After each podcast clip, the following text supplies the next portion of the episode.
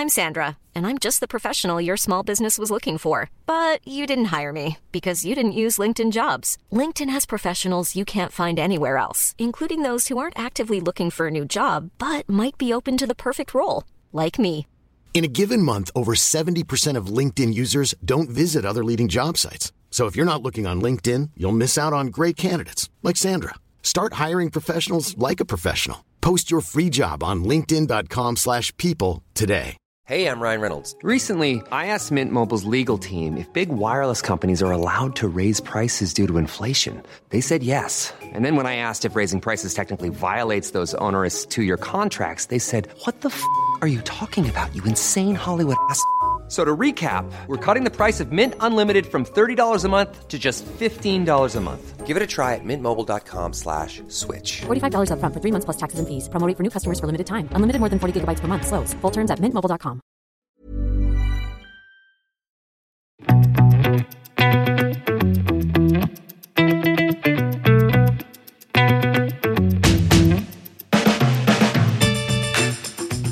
Hei, velkommen til en helt ny episode av Klokkelandslaget. En podkast fra Finansavisen i samarbeid med tidssonen.no. Og i dag er det ikke bare meg, Jon Henrik, fordi vi har med oss et norsk klokkemerke. Og to av karene bak det. Eh, For de som ikke vet noe særlig om norske klokkemerker, så finnes det jo nå eh, per dags dato en god del av de. Og så er det litt sånn i varierende grad av hvor mye som produseres i Norge. Og dette skal vi lære mye mer om, naturligvis, i eh, denne episoden. I dag så har vi med oss Radium Instruments, og det består jo for det meste av to personer. Vi har med oss i dag Thomas, og vi har med oss Sjur. Thomas er jo Thomas Cappel Malding. Han er forfatter og filmregissør, og så kanskje noen eh, har sett filmen Kommandør Treholt og Ninjatroppen. Og så er det jo formgiver og opphavsmann, som det liker å kalles, eh, til Radium. ja. Og så har vi Sjur. Christian Stangeby Hansen. Stemmer. Og du er jo blomsterforretning, eh, og, har også en, eh, og du er også omtalt som olivenbonde. Det stemmer. Har en eh, blomsterforretning rett nedi veien og leverer blomster hit. Mm. Uh, og så har jeg en liten olivengård i Frankrike, eller i Italia, på franskegrensen, som produserer olivenolje. Og i til Oslo. forbruk, eller?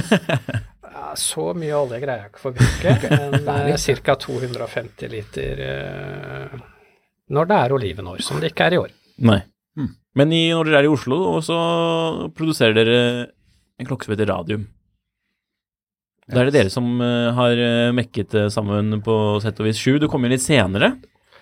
Ja, eh, stemmer. Jeg eh, kjøpte en klokke i 2016, levert 2017, og den hadde ikke Thomas sett, så eh, han eh, ringte meg og spurte om han kunne komme innom og ta noen bilder av den klokken til promotering. Og da møttes vi på Mina Milanda i Frogner, den andre blomsterforretningen vår, og så fant vi vel egentlig allerede litt tonen der. Han satte seg ned og spilte piano. Ja, det stemmer. Og jeg tok bilder av ham mens han spilte piano. Mm. Det ble liksom settingen i den fotoshooten. Det var den herligste musikk. Den herligste musikk. Og da ble det søt musikk mellom Da ble dere det to søt også? musikk. Mm. Ja, jeg spurte jo egentlig Thomas hvorfor ikke solgte flere radiumklokker, fordi at uh, alle ville kjøpe min. Og, og da sa Thomas at det var, var litt, uh, det var litt vanskelig, og da spurte jeg ham om vi skulle ta en runde på det. Jeg ringte han opp uh, en måneds tid etterpå og lurte på om vi skulle ta en runde på det, for da hadde jeg sett litt i mine egne kort hva jeg kunne kanskje ha å tilføre Mm. i videreutviklingen. Og, og hvor mange klokker var det man lagde på cirka på det tidspunktet? Eh, veldig få. Jeg tror det var laget da 20 klokker totalt i sivilutgave og ca. 50 stykker i en militærutgave.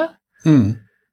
Noe sånt noe. Noe sånt noe. Og største problemet var forskjellige deler som skulle tilpasses, og ting tok tid. Og, og urmaker som holdt på med det da, var en veldig populær urmaker, så hadde mye annet å gjøre samtidig. Mm. Men nå har, vi jo, nå har vi hoppet litt fram i tid, for vi må jo vite, og lytterne må vite, hva er egentlig radium, og hvordan kom radium til å bli, eller til å bli til? Er det det man sier? Hvordan ble det radium til til? å bli til, ja. Ja. Nei, jeg, jeg tenkte du ville spørre om det, så jeg tenkte litt på det. Jeg skal prøve å komme med et uh... kvalifisert svar. Det å ha lyst til å lage et klokkemerke er ikke en god nok motivasjon i mine øyne, fordi du må jo ha en grunn. Radium det handler egentlig om, som, fra mitt ståsted, om å fortelle historier om hvem vi er, og hvor vi kommer fra. Og hvem vi er, det, det, det skal ikke jeg definere, men øh, Og hvor vi kommer fra kan jeg heller ikke bestemme, men det er, noen, det er en del ting som vi som ja, bor i Norge f.eks., liksom, har som felles referanser. Uh, så vi har jo en litt sånn gutta på skauen-type eh, gode gamle dager-profil. Eh, og mitt høyeste mål med radium det er at denne klokka skal gå i arv sammen med de historiene om hvem vi er og hvor vi kommer fra i den familien som dette angår, da. Så det er på en måte et forsøk på å lage et sånn no nonsense eh, arvesmykke. Som ikke, skal, som ikke er gull og diamanter, men som er eh, ja, hva skal jeg si, nærmere en skiftenøkkel. Altså den gode hammeren til pappa som du fortsatt bruker. Altså noe med det der, ja. De, de gode tingene som du tar med deg videre, som du blir sånn venn med. Det er radium for meg. Hva kommer navnet av? Nei, radium er jo det radioaktive grunnstoffet som ble oppdaget av Madame Curie eh, på var det ikke 20-30-tallet eller noe sånt nå, som eh, da lyser i mørket, og som har forårsaka veldig mange krefttilfeller eh, opp igjennom. Fordi det ble brukt på cockpit-instrumenter i første, eller i hvert fall andre verdenskrig. Hvor da var det fabrikker hvor kvinner satt og slikka på disse penslene og dyppa det i radium. De fikk noen utrolige skader. Um, Det er vel en sånn eh, dokumentar som de interesserte kan se om det der, er ikke jo, jo. The Det er Radium, Girls. Ja. Så det heter radium for å egentlig si at dette her lyser i mørket. Og det, vi er jo kanskje de som lyser mest i mørket. Det er jo selvfølgelig ikke radioaktivt, det som er i klokkene. da. Nei. Vi har heldigvis greid å, eller Menneskeheten har heldigvis greid å utvikle litt bedre selvlysende materialer. Når det, er sånn- noe med, det er noe med um, Det er noe med danger er en greie for, uh, for gutter. Vi liker, at, vi liker at ting er litt farlig, og radium var et farlig, et farlig stoff. Så jeg syns det passer veldig godt på klokkene. Nå går jeg litt sånn tilbake igjen, men bare for å få en sånn tidslinje her. Når sånn Hvor er vi i tid når du begynte å tenke på det at du hadde lyst til å, å, å gå videre med den ideen her? Eller når var det du fikk ideen, og hvor gikk det noe tid fra du drømte om å starte dette her, til du faktisk gjorde det? Eller var det en ganske kjapp Ja, prosess? det var en periode på et par-tre år. Mm. Jeg designa jo Jeg var veldig engasjert i produkt... Eller hva heter det for noe? Produksjonsdesign på den eh, Kommandør 312-troppen. Mm. Så jeg designa alle klokkene og dybdemålerne og kompassene og sånt som de ninjaene brukte. da. Når var det den kom ut? Den kom i 2012, tror jeg. Ja, riktig. Så var det et par år etter det at det var folk som nevnte at noen av de klokkene i filmen var ganske kule. Så da begynte jeg å tenke litt i de baner. Og ta noen telefoner. Var du interessert i klokker før dette? Ja. Vet du hva, jeg skal jeg legge meg sjøl skikkelig på blokka her, altså. Jeg Do fikk, jeg fikk en falsk Rolex av tanta mi når jeg var 16. Til jul. Hun hadde vært i Syden, ikke sant. Og jeg brukte, sjekka hvor mye jeg trodde den var ekte. da. Den kosta 267 000 eh, da. Det var gull og greier. Jeg, jeg trodde jeg hadde Jeg trodde jeg hadde det skitt. Jeg gikk rundt på skolen og skrøyt, og lærerne ble sånn 'Thomas, få se på den klokka di', og det var helt sånn Jeg dreit meg helt ut. Men uh, det, det, det, det fikk en klokkeinteresse ut av det. da. Det var skikkelig pinlig. Altså, tenk å gå rundt og tro at du har en Altså, ikke sant. Jeg har sett noen bilder av deg på internett med Panerai, kan det stemme? Ja. Vet du, helt feil? På en sånn veldig sånn stor bundreim? Eller har jeg observert feil? Det er mulig. Jeg må, la meg tenke litt på det, så Ja. går vi videre. Så Ja. vi tilbake til Ja. Og så har du jo vært i denne en sånn eh, spalte i D2 med en, eh, en annen Rolex. Eller av eh, Rolex opphav. Ja. Ja, som er litt sånn modifisert. Så, men, så du har jo en sånn liten, du har jo en klokkehistorie før radium også, Ja. og etter for den saks skyld. Jeg er veldig interessert i klokker. Som instrumenter og som utstyr. Mm. Jeg er ikke så interessert i hva man kan, hva man kan kjøpe i butikken. Den, den Rolexen det er jo en, sånn en, et, et formeksperiment. Ja. Bestående av deler fra alle mulige rare klokker. Sånn hva hvis Rolex lagde en eh, Space Dweller 2? Som jeg brukte et par år på å kjøpe deler på eBay og mm. få satt sammen. Er, men det er jeg liker jo skaperprosessen kanskje mer enn selve kjøpet og bruken. Ja. Så er det den kreative siden som, eh, som du brenner Ja, jeg liker å lage ting, ja. Men hvor, hvor skal vi, hvordan, hvis, vi- hvis vi skal forklare hvordan disse klokkene ser ut da, for de som hører på, for dette er jo en podkast, men man kan se på den på YouTube, bare som en sånn liten reklame. Hva er, det, hva, hva er det man holder i hendene når man eh, Eller hva man har på seg på armen når man har på seg en radium? Sånn, sånn utseendemessig. Sjur. Ja, altså, jeg har jo egentlig en eh, tradisjonell utformet uh, klokke med flat uh, bakside, kurvet flat bakside, men den er laget i aluminium. Den har litt lengre ho horn enn det en vanlig klokke har. Eh, den er lett, den har Den er 41 millimeter, men optisk sett kan den se større ut. Eh, den er ikke spesielt høy, den er 12,5 millimeter, men virker faktisk lavere enn eh, sine 12,5 millimeter. Den har eh, kraftig skinnrem og kraftige springbars, eller baretter, som vi gjerne kaller det. Spesiallaget til klokka i Italia av Belloni som er kanskje noen av de store innen baretter worldwide. Men, eh, Bare, bare la meg skyte inn der. ja, Vi har de feteste barettene. Vi har de feteste. De er tjukke. Altså de, de feiteste. Ja, Ja. de, de er tjukke, altså. Det er De er fryktelig tykke. staur. De er 1,98 millimeter i pinnen og 2,5 millimeter i hylsa. Så det er faktisk en barett, det som sitter i den, ja, den her nå? Ja, og vi øh, har jo videreutviklet en, en del ting øh, siden vi presenterte øh, gråbein hos deg i eh, Ja, det er to, To, år siden. to år siden, i hvert fall. Er to år siden. Så det er Tiden flyr. For dere hadde jo um, en sånn stift tidligere. I, Vi hadde eh, en stift, og du skulle ha en hammer, og du skulle være ganske sikker på hånda. Og, og eh, vi anbefalte folk å, å, Men det er ganske, det å er gjøre ganske dette midt på dagen og ikke sent om kvelden. Ja. Det er et kuriosum, da, for de hadde jo såkalte friksjonsbaretter. Ja. Som da var rett, en rett stift som man kakka så den var litt bøyd. Mm. Så når du tvinger den gjennom, Mm. så skal ikke den få seg noe sted. Så. Og det er jo det er en veldig gammeldags og tungvint, men til alle der ute som har opplevd at eh, baretten ryker Mm. og klokka detter av, det hadde aldri skjedd med de gamle friksjonsbarettene, og det kan ikke skje nå heller. Nei. Det er det dummeste du kan gjøre, er å miste klokka pga. baretten. Jeg tror alle har gjort det en eller annen gang. Det var derfor de fant opp eh, Nato-remmen. Ja, Så Ja, hvis, du, hvis én bare poppet ut, så eh, hadde du klokka redda uansett. Mm. det er klart. Det er litt morsomt. Mer om, eh, mer om klokka er jo at den ligger flatt nede på håndleddet.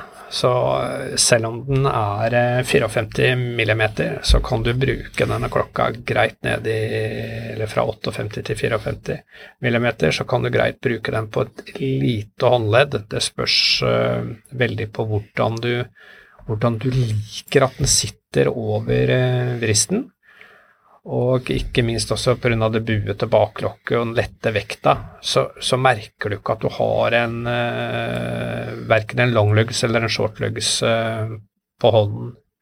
Eh, som en annen klokke i samme størrelse ville vært mye tyngre og mye mer present på håndleddet. Det er mange som sier det at eh, den er overraskende lett, fordi det er, en, det er jo norsk hydro og aluminium. Og når du har blitt vant til å bruke den, så er det litt sånn rart å gå over til en klokke med vanlig vekt. da. Mm. For du, du, du kjenner jo liksom ikke at du har den på deg.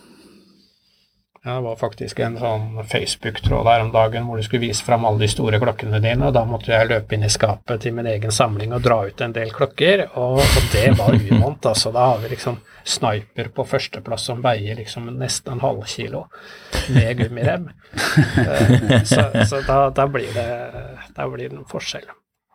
Mm. Og du, nå har du liksom nesten vært litt inne på det, men det er jo de klokkene som vi ser på kamera nå, det er jo en ny eh, modell. Ja, i hovedsak så var det eh, noe vi eh, snappet opp eh, mens vi lanserte originalversjonen, da den med den litt lengre lugsene enn denne her. Mm. At uh, veldig mange skulle gjerne kjøpt. De har prøvd hos en kamerat, de har uh, osv., men lugsene ble litt, litt for lange, og spurte om vi kunne lage en mindre klokke. Og så ønsket vi å beholde utseendet så godt som mulig med en eh, urskive som ikke var noe mindre, og da kan vi da redusere lengden på løgsene, slik at vi fikk en klokke som passer for, ja, jeg vil si alle ned til eh, 17 cm håndledd, og det er vel omtrent 95% av eh, befolkningen omtrent som, Ja. som har større enn det. Mm. Så lagde vi samtidig da en eh, Thomas er mester på det, så det kan du snakke litt om, Thomas. Hva vi gjorde for å høre hva, hva kundene våre egentlig ønsket Men seg. vi har jo et veldig bra leirbålsmiljø på Facebook. Med veldig mange responsive mennesker som er entusiastiske. Så vi, vi gikk gjennom en serie av spørsmål, rett og slett. Som, vil dere ha kortere løgg? 95% av de som svarte ville ha det. Eh, vil dere ha selvtrekk? Det vil alle ha. Vil dere ha safirglass? Vil dere ha sentrale sekundviser? Så dette er da utviklet sammen med Radium. En demokratisk klokke. En demokratisk klokke laget av Radiums leirbålsmiljø. Mm. Og jeg, er vel, jeg syns de ble kjempefine. Hva er det safirglass på de også? Ja.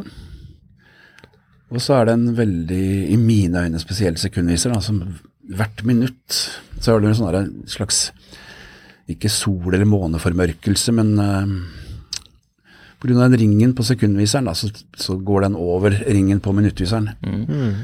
Og hvis man er et skikkelig klokkenerd, så er det fest en gang i minuttet.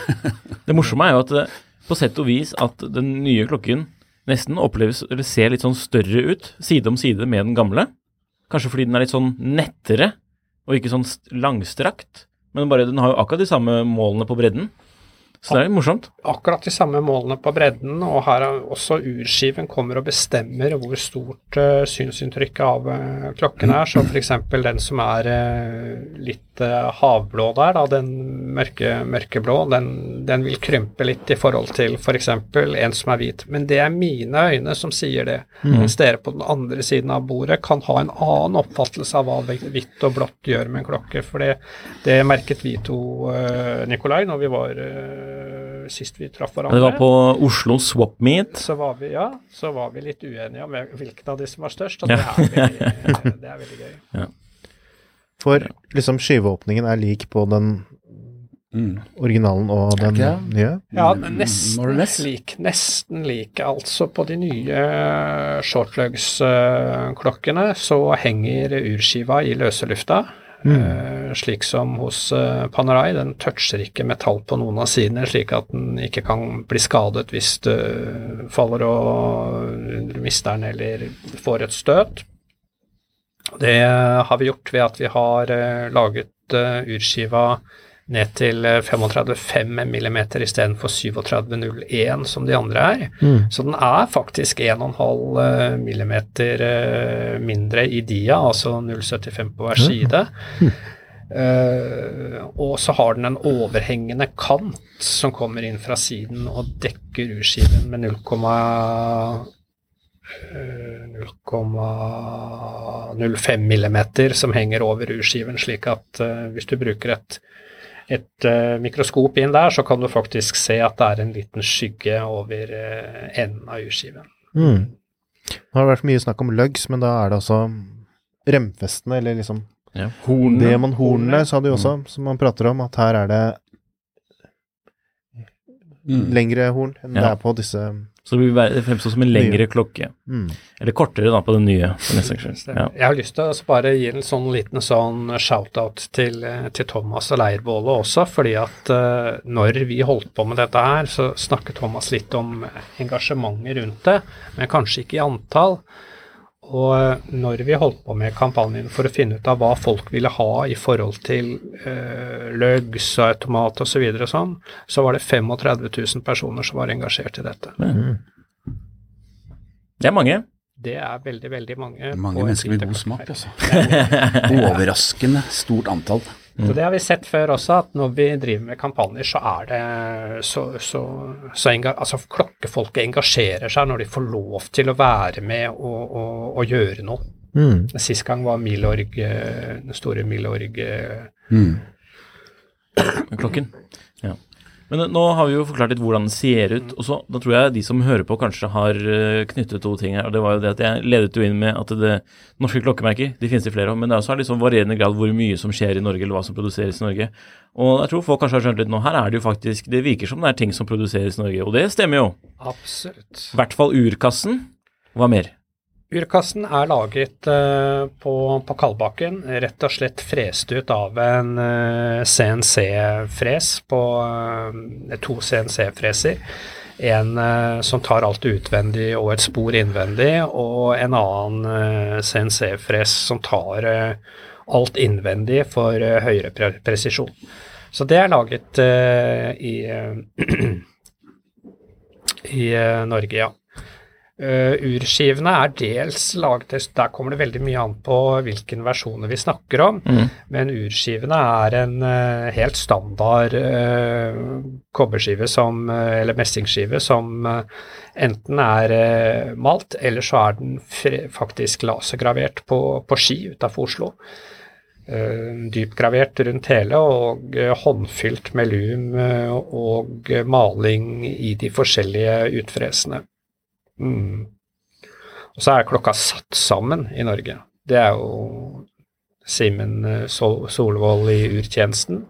På Tveita? jeg-. På Tveita, ja, hvor jeg også har da egne kontorer oppe sammen med han. Mhm.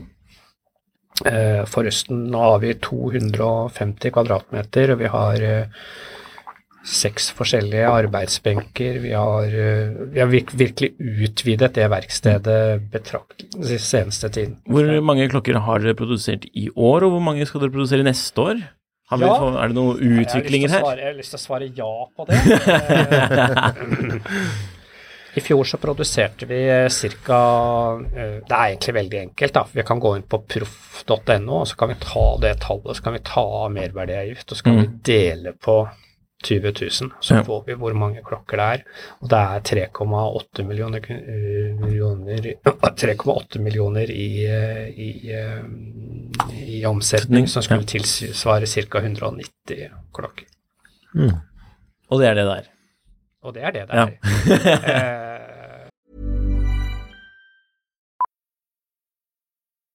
Millions of people have lost weight with personalized plans from Noom, like Evan, who can't stand salads and still lost 50 pounds. Salads, generally, for most people, are the easy button, right? For me, that wasn't an option. I never really was a salad guy. That's just not who I am. But Noom worked for me. Get your personalized plan today at Noom.com. Real Noom user compensated to provide their story. In four weeks, the typical Noom user can expect to lose one to two pounds per week. Individual results may vary. There's never been a faster or easier way to start your weight loss journey than with PlushCare. PlushCare accepts most insurance plans and gives you online access to board-certified physicians who can prescribe FDA-approved weight loss medications like Wigovi and Zepbound for those who qualify. Take charge of your health and speak with a board-certified physician about a weight loss plan that's right for you. Get started today at plushcare.com slash weight loss. That's plushcare.com slash weight loss. plushcare.com slash weight loss.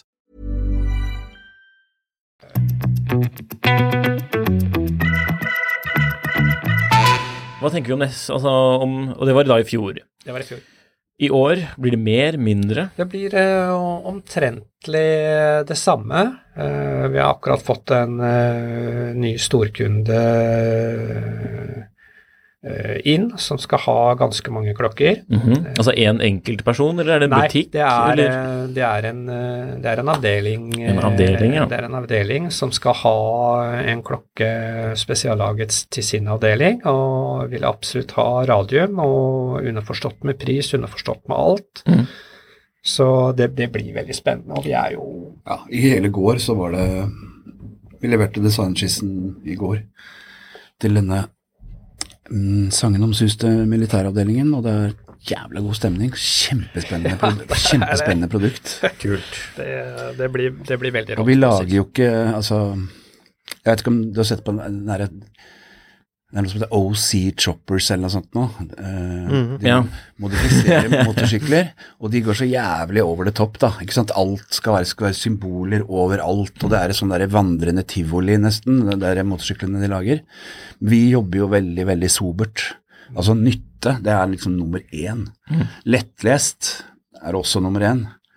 Og så jobber vi da med å skape noe som skaper ære og begeistring internt i den militæravdelingen, uten å liksom eh, Ja, uten å gå for langt i forhold til symboler og, og fjas, da. Så det er ja, kjempegøy. Det må jo være, Veldig, veldig morsom kunde. må jo være akkurat det du Det må jo være rett i smørøyet for deg med tanke på sånn Ja. på det, på det med det kreative. Ja, det er det. Og jeg, jeg er verden. veldig opptatt av nytte. Altså En klokke den skal, den skal være først og fremst rask. Der skal Med raske briller. Ja, du skal Ja, se hvor mye klokka er. Mm. Raskt. Hvis du ikke gjør det, da er det en designfeil. Og det ser jeg jo veldig mye der ute. Altså folk som går med klokker som ikke er raske. Ja. Så det er et morsomt prosjekt. Så uh, omsetningen tilbake igjen til den eller hvor mange klokker, så er det jo selvfølgelig da om vi får den uh, ferdig og ferdigsolgt uh, mesteparten i år, eller uh, halvparten i år og halvparten til neste år osv., som, som kommer til å bestemme hvor mange klokker vi, vi lager i år. Men eh, de privatpersonene som ønsker seg en Radium eh, nå, de kan kjøpe seg en Radium nå? De kan kjøpe seg en Radium nå, og Prisen er to stykker får levert eh, klokke, og så Ja. er vi utsolgt for denne batchen. Ja. Og så er neste levering i september. Har dere da noen ventelister eller sånn, eller hvordan er det det um, Det har vi. Dere har det? ja. Så vi har vært en tur innom Bjerke og forhørt oss litt hvordan, hvordan man liksom handler en sånn uh, venteliste. Eh, Ja, om du får lov å komme på venteliste i det hele tatt, er jo nei, det her får alle greie. lov. Her får alle lov. Man må sende søknad eh, Nei? Nei, altså det er ikke, det er ikke kjønnskvotering engang, selv om det er en del, eh, del eh, Det er faktisk eh, noen eh, damer nå som har kjøpt eh, sine første radium, og en med kanskje helt ned i 15,5-16 eh, håndledd, som bruker da en, en hvit radium. Og det ser bare skrekklekkert ut, for å si det sånn. Ja, det er veldig fint. Det er, det er jo, dette er jo ikke herreklokker, eller Vi kommer heller ikke til å lage en dameklokke, fordi det er utrolig gammeldags i våre øyne å tenke på den måten i det hele Ja. tatt. Vi, altså, vi har en skiftnøkkel som ligger der, som du kan ta hvis du liker den, og that's it. Jeg er litt tilbake igjen til spørsmålet som eh, eh, var levering. Jo, vi, uh, vi leverer nå i september. Det er ikke så lenge til at vi får inn nyurverk, fordi vi måtte kjøre en prøvebatch på en 50 klokker først, sånn at vi liksom får 50 klokker ut til folk der ute, slik at de kan herje på sin måte med det, for å se at viser og urverk, alt stemmer rundt omkring Uh, før vi da kjører opp større, større serier, Mm. mm, rett og slett. Så hva er, hva er eh, ventetiden da, hvis man bestemmer seg for å kjøpe en nå, i dag? Kjøper jeg nå, så har vi eh, to klokker inne, eh, og så Hvilke farger har vi? Denne episoden kommer jo om to uker, så når vi, har, vi snakker Neida, men, men la meg si slutten av september. Vi skal ha, vi skal ha sveitsere tilbake igjen på jobb. Vi skal ha, ha ut urverk fra, fra Celita. Eh, og da må vi la de komme tilbake igjen på jobb eh, 15.8, for det er sånn halvfransk ferie. Mm. Og så eh, resten har vi på huset. Og det at vi har tilgang til en CNC-fres oppi dalen her sånn, gjør jo at vi kan få produsert ganske raskt. Mm. Det er gøy. ja, nice. Men sånn, um, selges radiumklokker nå i noen butikker, eller hvordan fungerer det sånn rent praktisk? Ja, altså det Jeg vet ikke om dette er så praktisk, men det er et bra spørsmål. Eh, vi, eh, vi, har klokker på Tveita. Vi har fire klokker eh, stående til utstilling hos eh, Simen Solvold, så alle kan komme opp der og prøve en eh, radium hvis de er i Oslo. Mm. Og hvis de ikke er i Oslo eller har lyst til å absolutt gå i en urmakerforretning, da må de til Saint-Tropez, for der har vi eh, faktisk Tveita eller Saint-Tropez? Ja, vi har, vi har solgt inn uh, solgt inn uh, til en uh, urmaker der. en av hver av de nye shortløksklokkene, så de ligger til salgs i vinduet i Saint-Tropez. Faktisk? Faktisk. det er litt kult. Brad Pitt syns den var jævla fin. Ja. Jeg vet ikke om han har vært der. Det er bra det, Sjur. Ja. Det er bra jobba. Det, skjedde det på ferie i år, eller? Nei da, det er, rett og slett en, en, klokkeforretning som jeg har et forhold til i Saint-Tropez. Jeg, jeg, har et forhold til Saint-Tropez, så, så, jeg har et forhold til Frankrike. Jeg har bodd her i veldig, veldig mange år. Og øh, jeg viste fram den klokka jeg hadde på meg øh, før jeg startet med radium. Han syntes allerede at det var kult. Det er den jeg øh, har på meg nå, ja. Og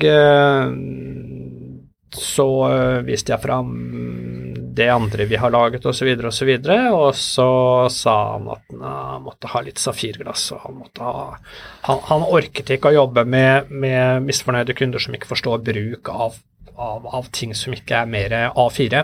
Mm. Så med en gang vi lagde da noe som var litt mer A4, altså med safirglass og, og sånn, så, så, sa han bare ja, kom med det med en gang. Er det noen av de solgte?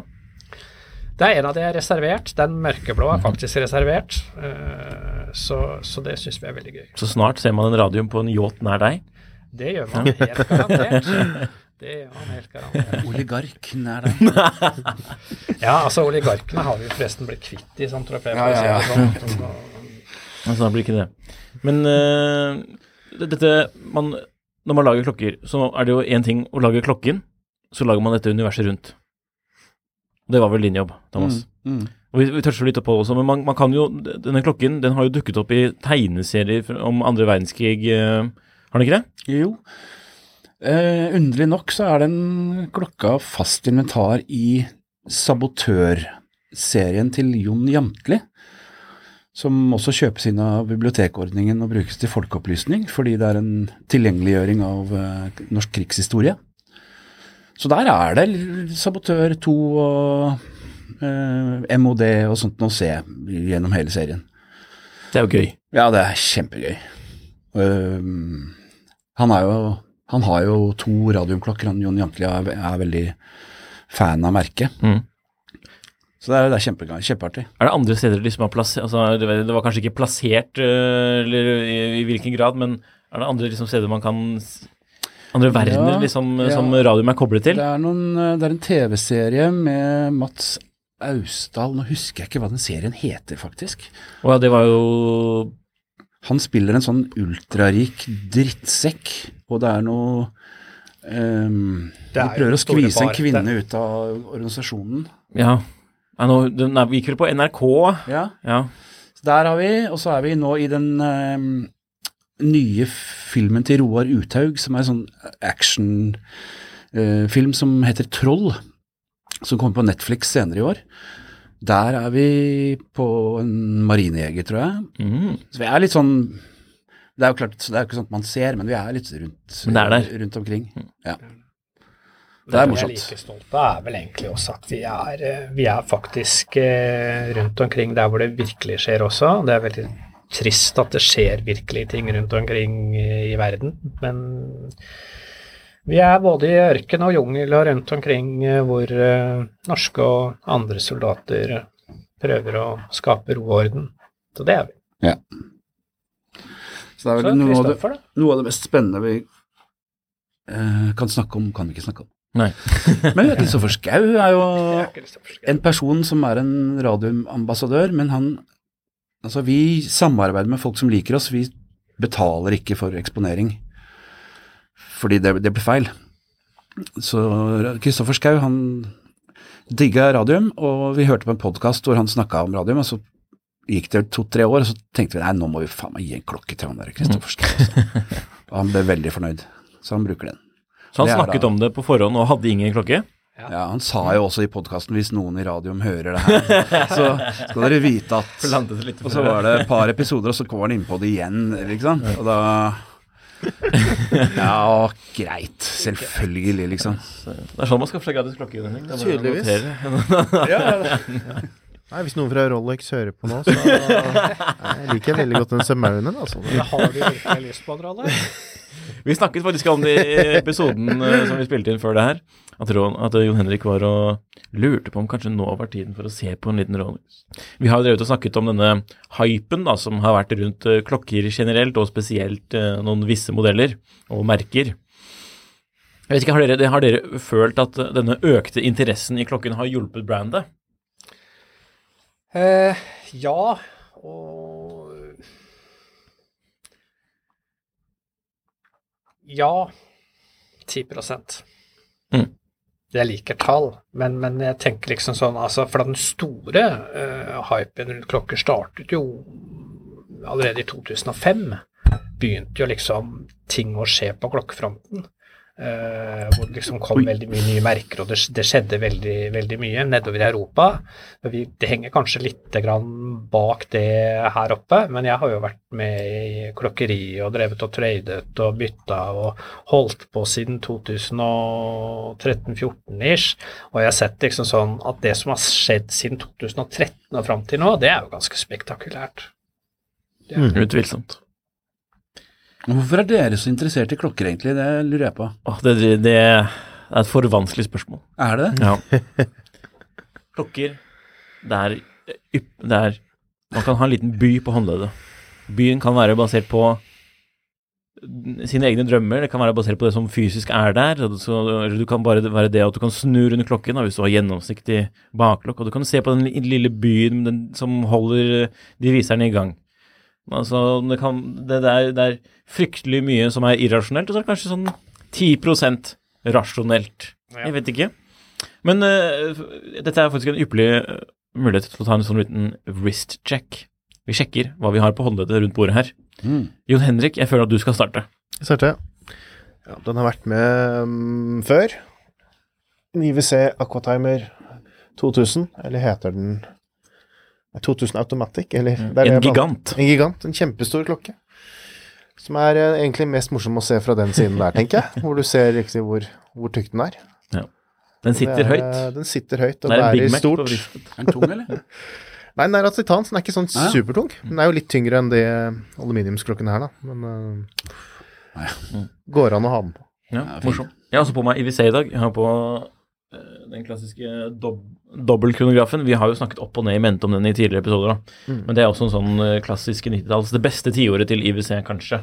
Mm. hvor det var mest value for money og litt mer liksom, og sånn kule greier. I hvert fall value for money hvis man kjøper det i dag. Ja, ja, er du? Ja, for den var ganske dyr innkjøp i den tiden, det skal sies. Men i dag så er det jo sinnssykt eh, bra value for money. Litt på vei opp, tror jeg. Jeg vet ikke, Ja, jeg har ikke fulgt så mye med. Jo. Eller, jeg ja. Få høre på våre episoder. ja, jeg kjøpte jo alt for Jon Henrik. Hva med dere? Ja, jeg har på meg Eget brand? Hvilket kamera er det det? Det er det, ditt kamera. Så enda en oppfordring til å se på YouTube her. Her er vi da Du, eh, Nicolai, du nevnte jo i deres forrige podkast Ja. hvis noen har en radio med pleksivisere fra Stemmer. gamle dager dette, dette er en radio fra gamle dager, en original med de gamle pleksiviserne. Ja. Og den har jeg på meg i dag. Og det her er jo bestefar. Bare la meg nå raskt Du snakker, vi, vi, må, vi må fortsatt benytte mikrofonen, det er kritisk hvis du skal snakke samtidig. Så det, det blir sånn multitasking, det her. Her ser vi da, her ser vi da bestefar og eh, Radium Original, sånn den ser ut i dag. Og den er jo fortsatt like gjenkjennelig på tvers av et rom, egentlig helt lik, bortsett fra masse detaljer. Masse patina også. Ja. Men eh, husk at eh, Rolex Submariner har jo forandra blitt forandra 41 ganger siden den modellen kom. Så det at vi også gjør visse utbedringer, er helt naturlig. Men, det tar, men gjør det også som, tenker dere som Rolex at skal man gjøre sånn i, i, i inkrementer? Hva man kan si, Er det et norsk ord engang? Nei. Ja.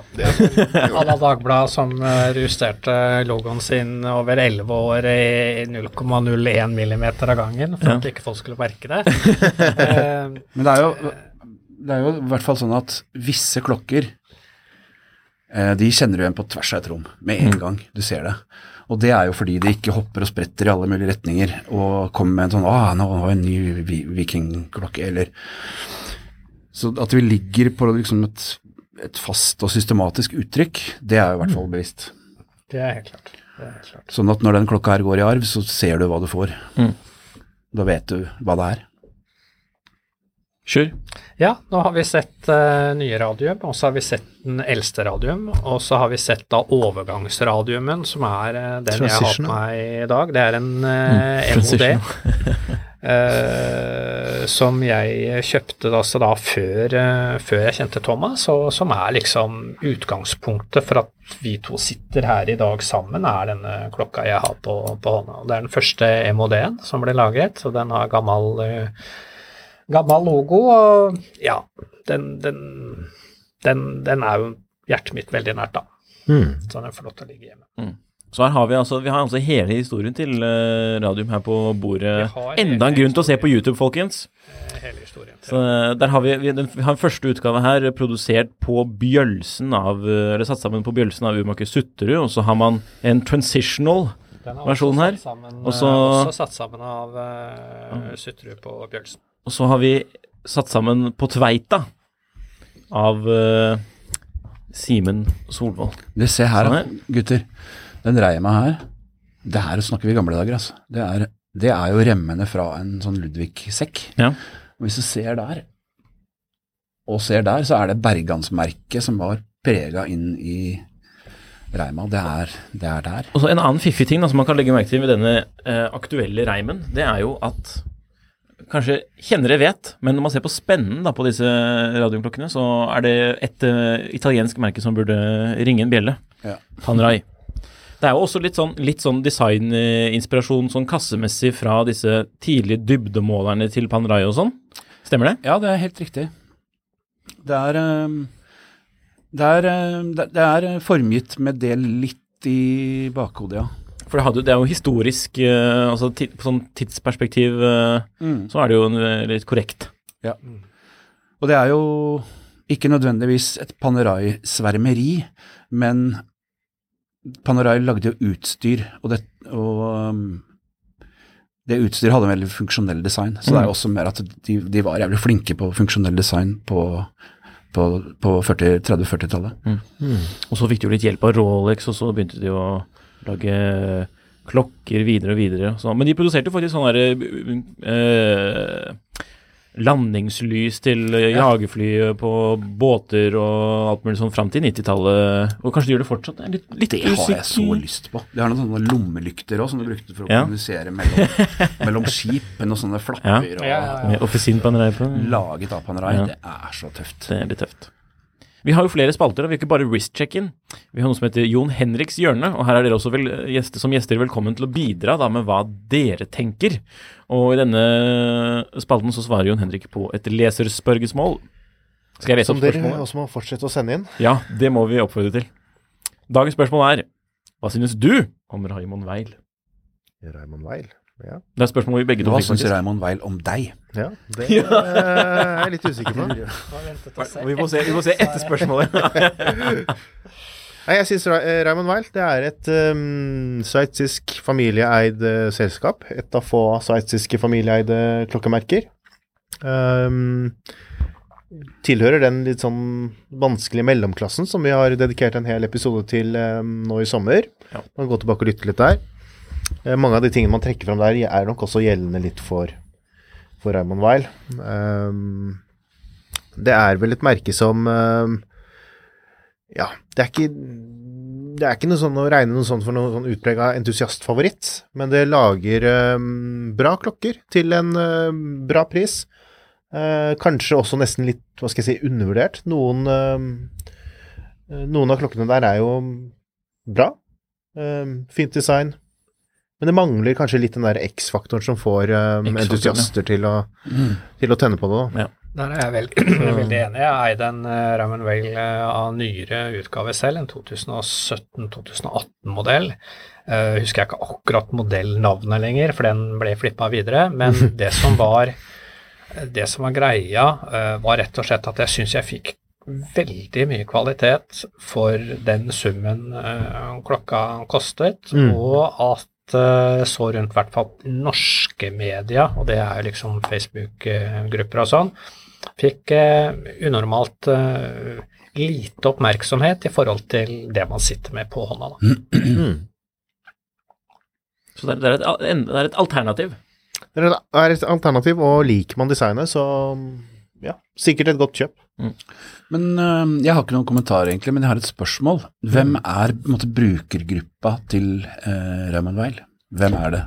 Nei, altså jeg tror det er litt sånn, sånn som med klokkemerker eh, flest, holdt jeg på å si, av altså de mer tilgjengelige merkene, at det er folk som kjøper Altså, det er hvem som helst som kjøper klokker. Um, det er um, um, de som kanskje henger litt igjen med Jeg mener jo at alle klokker i dag er et luksusobjekt, fordi man har ikke Det er mange år siden man brukte klokker funksjonelt i hverdagen til og trengte klokka for å komme seg på jobb. og den rollen er borte. Um, Raymond Weir føler jeg er et merke som fortsatt sitter litt igjen i den gruppen av de menneskene som kjøper en klokke fordi de tror genuint at de trenger å ha en klokke, hvis du skjønner hva jeg mener. Um, og det er det jo mange som gjør. altså um, Typisk også merker som også Seigo, Certina, uh, Tissot, Longin. Det er mange merker altså i den entry level og mellomklassen som fortsatt lager klokker for folk som tror de må ha en klokke. Det er veldig morsom forklaring. Uh, men Folk som uh, tror de har behov for en klokke, kjøper. Eh, Ikke sant.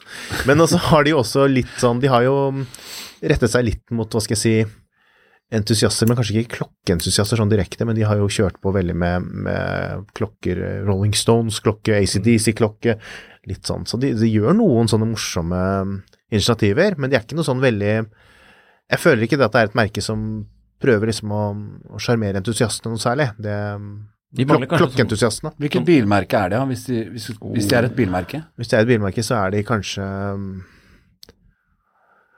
Opel?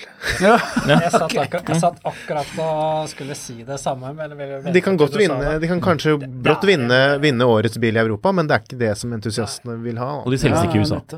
50, jeg kaller det en 50 pluss-klokke, for det er noen som liker litt, liker litt fint design på noe som passer én person som er 50 pluss og skal ha én klokke. Mm. Så uh, Raymond Vale, liksom. Men så hadde du de, der, de spesialklokkene de har kommet Ja, og så har de en dyk dykkermodell som er veldig, Ja, ja, de veldig bra. Som, men ja, det er uh, Men altså, den beskrivelsen kan man jo også si om ganske mange klokkemerker, Ja. egentlig. Det er jo selv noen av de som er våre liksom, helt favoritter, har jo også absolutt. en kolleksjon som er veldig bred, hvor man prøver liksom å fange mange forskjellige kjøpere. Men de har kanskje Halo-produkter. Jeg vet ikke, Det er ikke noe sånn der umiddelbart Raymond det er ikke noe, Jeg tenker ikke noe umiddelbart modellnavn. Er det ikke en frilanser freelancer de har, som er litt sånn kjent? Frilanser, men, så Ja. har- men så har de også en um, som de lanserte nå for noen år siden, med, med, hvor man ser balansehjulet foran. Liksom som en sånn, Ja, sånn open heart. open heart, heart-variant, som de mente var et Jeg husker ikke om de kaller det inhouse eller manufaktur, eller hva de kaller det, Mm. men det er jo Celita da, som har utviklet Ja. det verket. Men det er blir brukt eksklusivt av Passifal, var det Mm. den het? Passifal, var det det? Mulig. Mulig. Siste og avsluttende innslag eh, i dag, før vi runder av, det er jo Gullkorn på Finn. Vi er inne og titter på markedet og ser hva som er tilgjengelig. Og noe av det som er tilgjengelig, er jo mer rart enn andre ting. Og kanskje eller rart prissatt, f.eks., som i dette tilfellet her tilfellet. Um, og da har vi Dette er jo et tips som kom inn, eller som, er, som vi fant på Jon Henrik, det er du som har lagt det inn? Ja. Fant det på tidssonen eh, på, på tråden under samme navn. Gullkorn på Finn. Det er en jema. Jeg tror faktisk jeg jukses jukset litt, at det var i en annen tråd, men uh, okay. Det er en Yema. Det er en Yema. En Yema Kavinsky Limited Edition. Kavinsky er visstnok en musikkartist, eller eh, Ja, han har musikk- laget uh, Nightcall, som ble brukt i Ryan Gosling-filmen Drive. Ja, og det er nesten det som står i Ja, det er det som står i Norsen, Altså. Men jeg har faktisk hørt på den. Jeg har sett den filmen. Den har veldig bra sånn Ja, den er eh, kjempebra jeg atmosfære Jeg har en egen playlist for når du skal kjøre bil om kvelden, Ja, har- og den er inni der. Ja, men det har jeg også. Så det, okay. Du er ikke unik på det, altså. Det har jeg hatt i mange år. Duly noted. Men uh, det morsomme her er jo prisen som er satt, og den er 29 990 kroner. Jeg slår til. Eh, Hvor mye kostet den nye, Jon Henrik? Og den er helt den er ny? helt ny Kavinsky-klokke fra Yama. Klokken er én av kun, 3, tu- av kun 3333 eksemplarer. Dere lagde 190 klokker i fjor, og, Ja. det, og her er tre Så det må være veldig kun det, da. Altså mm, radium. Veldig sjeldent. Kun 100. Men her er det 3333, Mm. og vil få en spennende verdiutvikling, hevder selger. Og den Det jo ikke hvilken rundt vei den eh, spennende prisutviklingen Nei, men det må jo Altså, den kostet jo rundt 3000 kroner ny, var det ikke det? 3500 kroner eller noe? Jeg tror det var i hvert fall det som sto på sånn screenshot fra nettsiden. Ja. Og det virket jo også som om den ikke ble utsolgt med en gang, men det, det skal jeg ikke Nei. si for sikkert, altså. Jeg bare Men eh, det er jo for de spesielt interesserte. Men, og de kan jo, men også en klokka er verdt det noen er villig til å kjøpe, som de sier. ja. Klokka er kul, den, altså. Det er en sånn Hva var koblingen til uh, Drive igjen? Det var Artisten da, har gjort et samarbeid med nå skulle til å si Raymond Weil, men Som lagde Nima. liksom den tittelmusikken til, eh, til Drive. Artisten har gjort et samarbeid, ja. Ja, så det, det er en artist som har fått muligheten til å være med å designe en klokke. I retro-robotic style, som det ja. Og det er den jo faktisk. Ja, er den Den, absolutt, den minner jo oss om disse første Puls har, eh, som var svindyre i sin tid.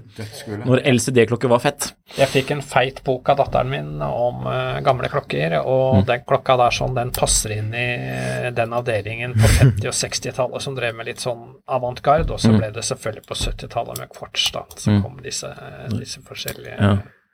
LCD-skjerm. Det, var, det, det er morsomt at ting som var det feteste på 70-tallet, er det billigste nå. Det er helt klart. Eller Ja, ikke i dette tilfellet, men ja. Jeg tror, Er ikke det egentlig LED-skjerm? det må det kanskje være. Ja. LCD, det er kanskje jeg som LCD driver og sluker helt her. Ja. Ja. ja. LED er jo det som lyser rødt. ja, ikke LCD. Jeg er så ung, jeg vet, så jeg vet, ikke forskjell på ting. Lighting. Jeg husker ikke LED-tida. Men det er en kul klokke, og det er et Det er helt det. eh, Det greit faktisk- klokkemerke. Um, Ja, det er det. men akkurat den verdistigningen, den har jeg ikke så veldig troen på, da. At det skal være I hvert fall ikke Nei. Det som jeg synes, at Når det gjelder nytte, da. Mm. Jeg er jo en av de som fakt, fortsatt tror at klokke er, Nyttig. er nyttig. Raske klokker er bra. Uh, den, de klokkene her er ikke raske overhodet, fordi du må trykke på knappen for å se hvor mye klokka er. Mm. Det var, sånn var det kanskje opprinnelig. Jeg vet ikke om det er det her på den Nei, jeg tror ikke det er det på den her. Ja, men den det- lyser hele tiden. Ja, Okay. Men det var det på altså, De eh, gamle LED-klokkene var jo det. Ja. Gi- Girard Perregaux relanserte en sånn eh, lignende klokke nå for ja, Det er kanskje nesten et år siden nå. Mm. Og den skulle de ha 50 000 for eller noe. Og kjempekul. Og jeg var sånn Jeg, jeg kontaktet faktisk forhandler og skulle ha en sånn, og fikk blitt tipset hvor jeg kunne få, få tak i. Men så så jeg en video på YouTube, og da var det nettopp det du sa. At de hadde jo ikke Jeg, regnet jo med at de hadde oppgradert den Mm. modulen, men det virker som de bare har fulgt det gamle designet, for du må faktisk trykke inn en Ja, de suger knapp batteri. for å, se, for å se hva tiden er. Og da er det liksom Og det skulle liksom være sånn kjøreklokke, da, eller Ja, hvor displayet er på siden, Ja, ja. sånn at du liksom skal være lett tilgjengelig å se Ja, den, tiden. Men den er jo ikke lett tilgjengelig når du fortsatt må trykke. Og politiet ser at du gjør det, så får du bot. Ja, ja, Pluss at du prøver å filme med telefonen under øret. Ja. det hadde, du hadde fått bot hvis det var LCD, men om det når det er LED, så vet jeg ikke om, Ja, det, den du får bot. Ja, eller LCD. Og så må du bytte batteri en gang i halvåret, fordi de få gangene du sjekker mye klokka er, så suger det Ja, det var kjempe, kjempedårlig batteritid også. Men øhm, husk at Omega hadde jo en LED Speedmaster. Ja, stemmer det. Ja, det er- Mhm.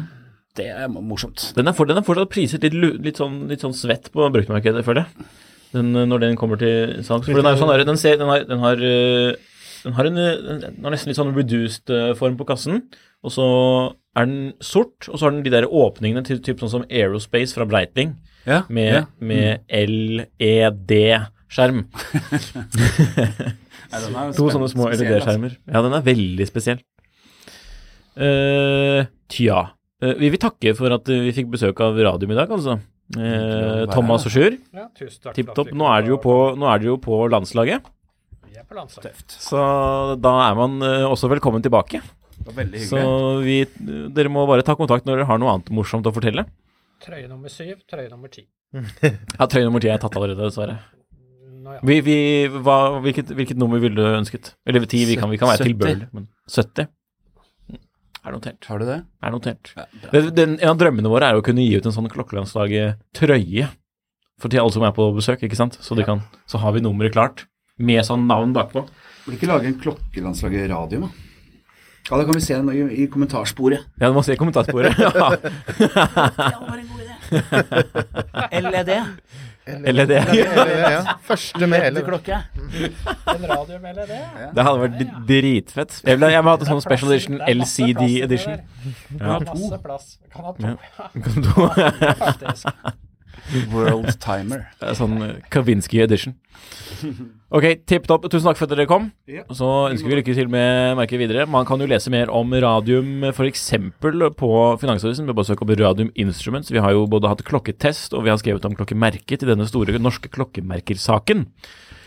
Så har dere jo Facebook-side, og så har dere jo Ah, man kan jo ikke være med i den Facebook-gruppen uten å ha en radium, er det ikke sånn? da. Jo, det er åpnet nå. Du kan jo være med på Radium Ja. Instruments eh, sin side. Der er vi 5000 stykker rundt uh, et åpent leirbål. Åpent hvor leirbål. trenger å ha en radium for å være med. Mm. Og det er også det leirbålet der som genererer massene når vi, når vi spør om hvor vi skal Mm. gå, eller hva vi skal gjøre, eller hva, det, Ja. hva de, folk syns, da.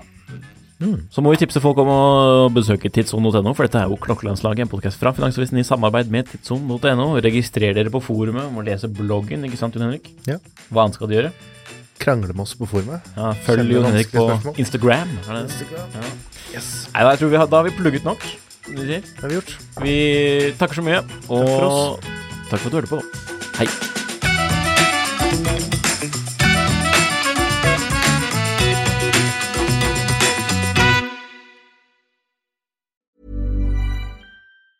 Planning for your next trip? Elevate your travel style with Quince. Quince has all the jet setting essentials you'll want for your next getaway, like European linen, premium luggage options, buttery soft Italian leather bags, and so much more. And it's all priced at 50 to 80% less than similar brands. Plus, Quince only works with factories that use safe and ethical manufacturing practices. Pack your bags with high-quality essentials you'll be wearing for vacations to come with Quince. Go to quince.com slash trip for free shipping and 365-day returns.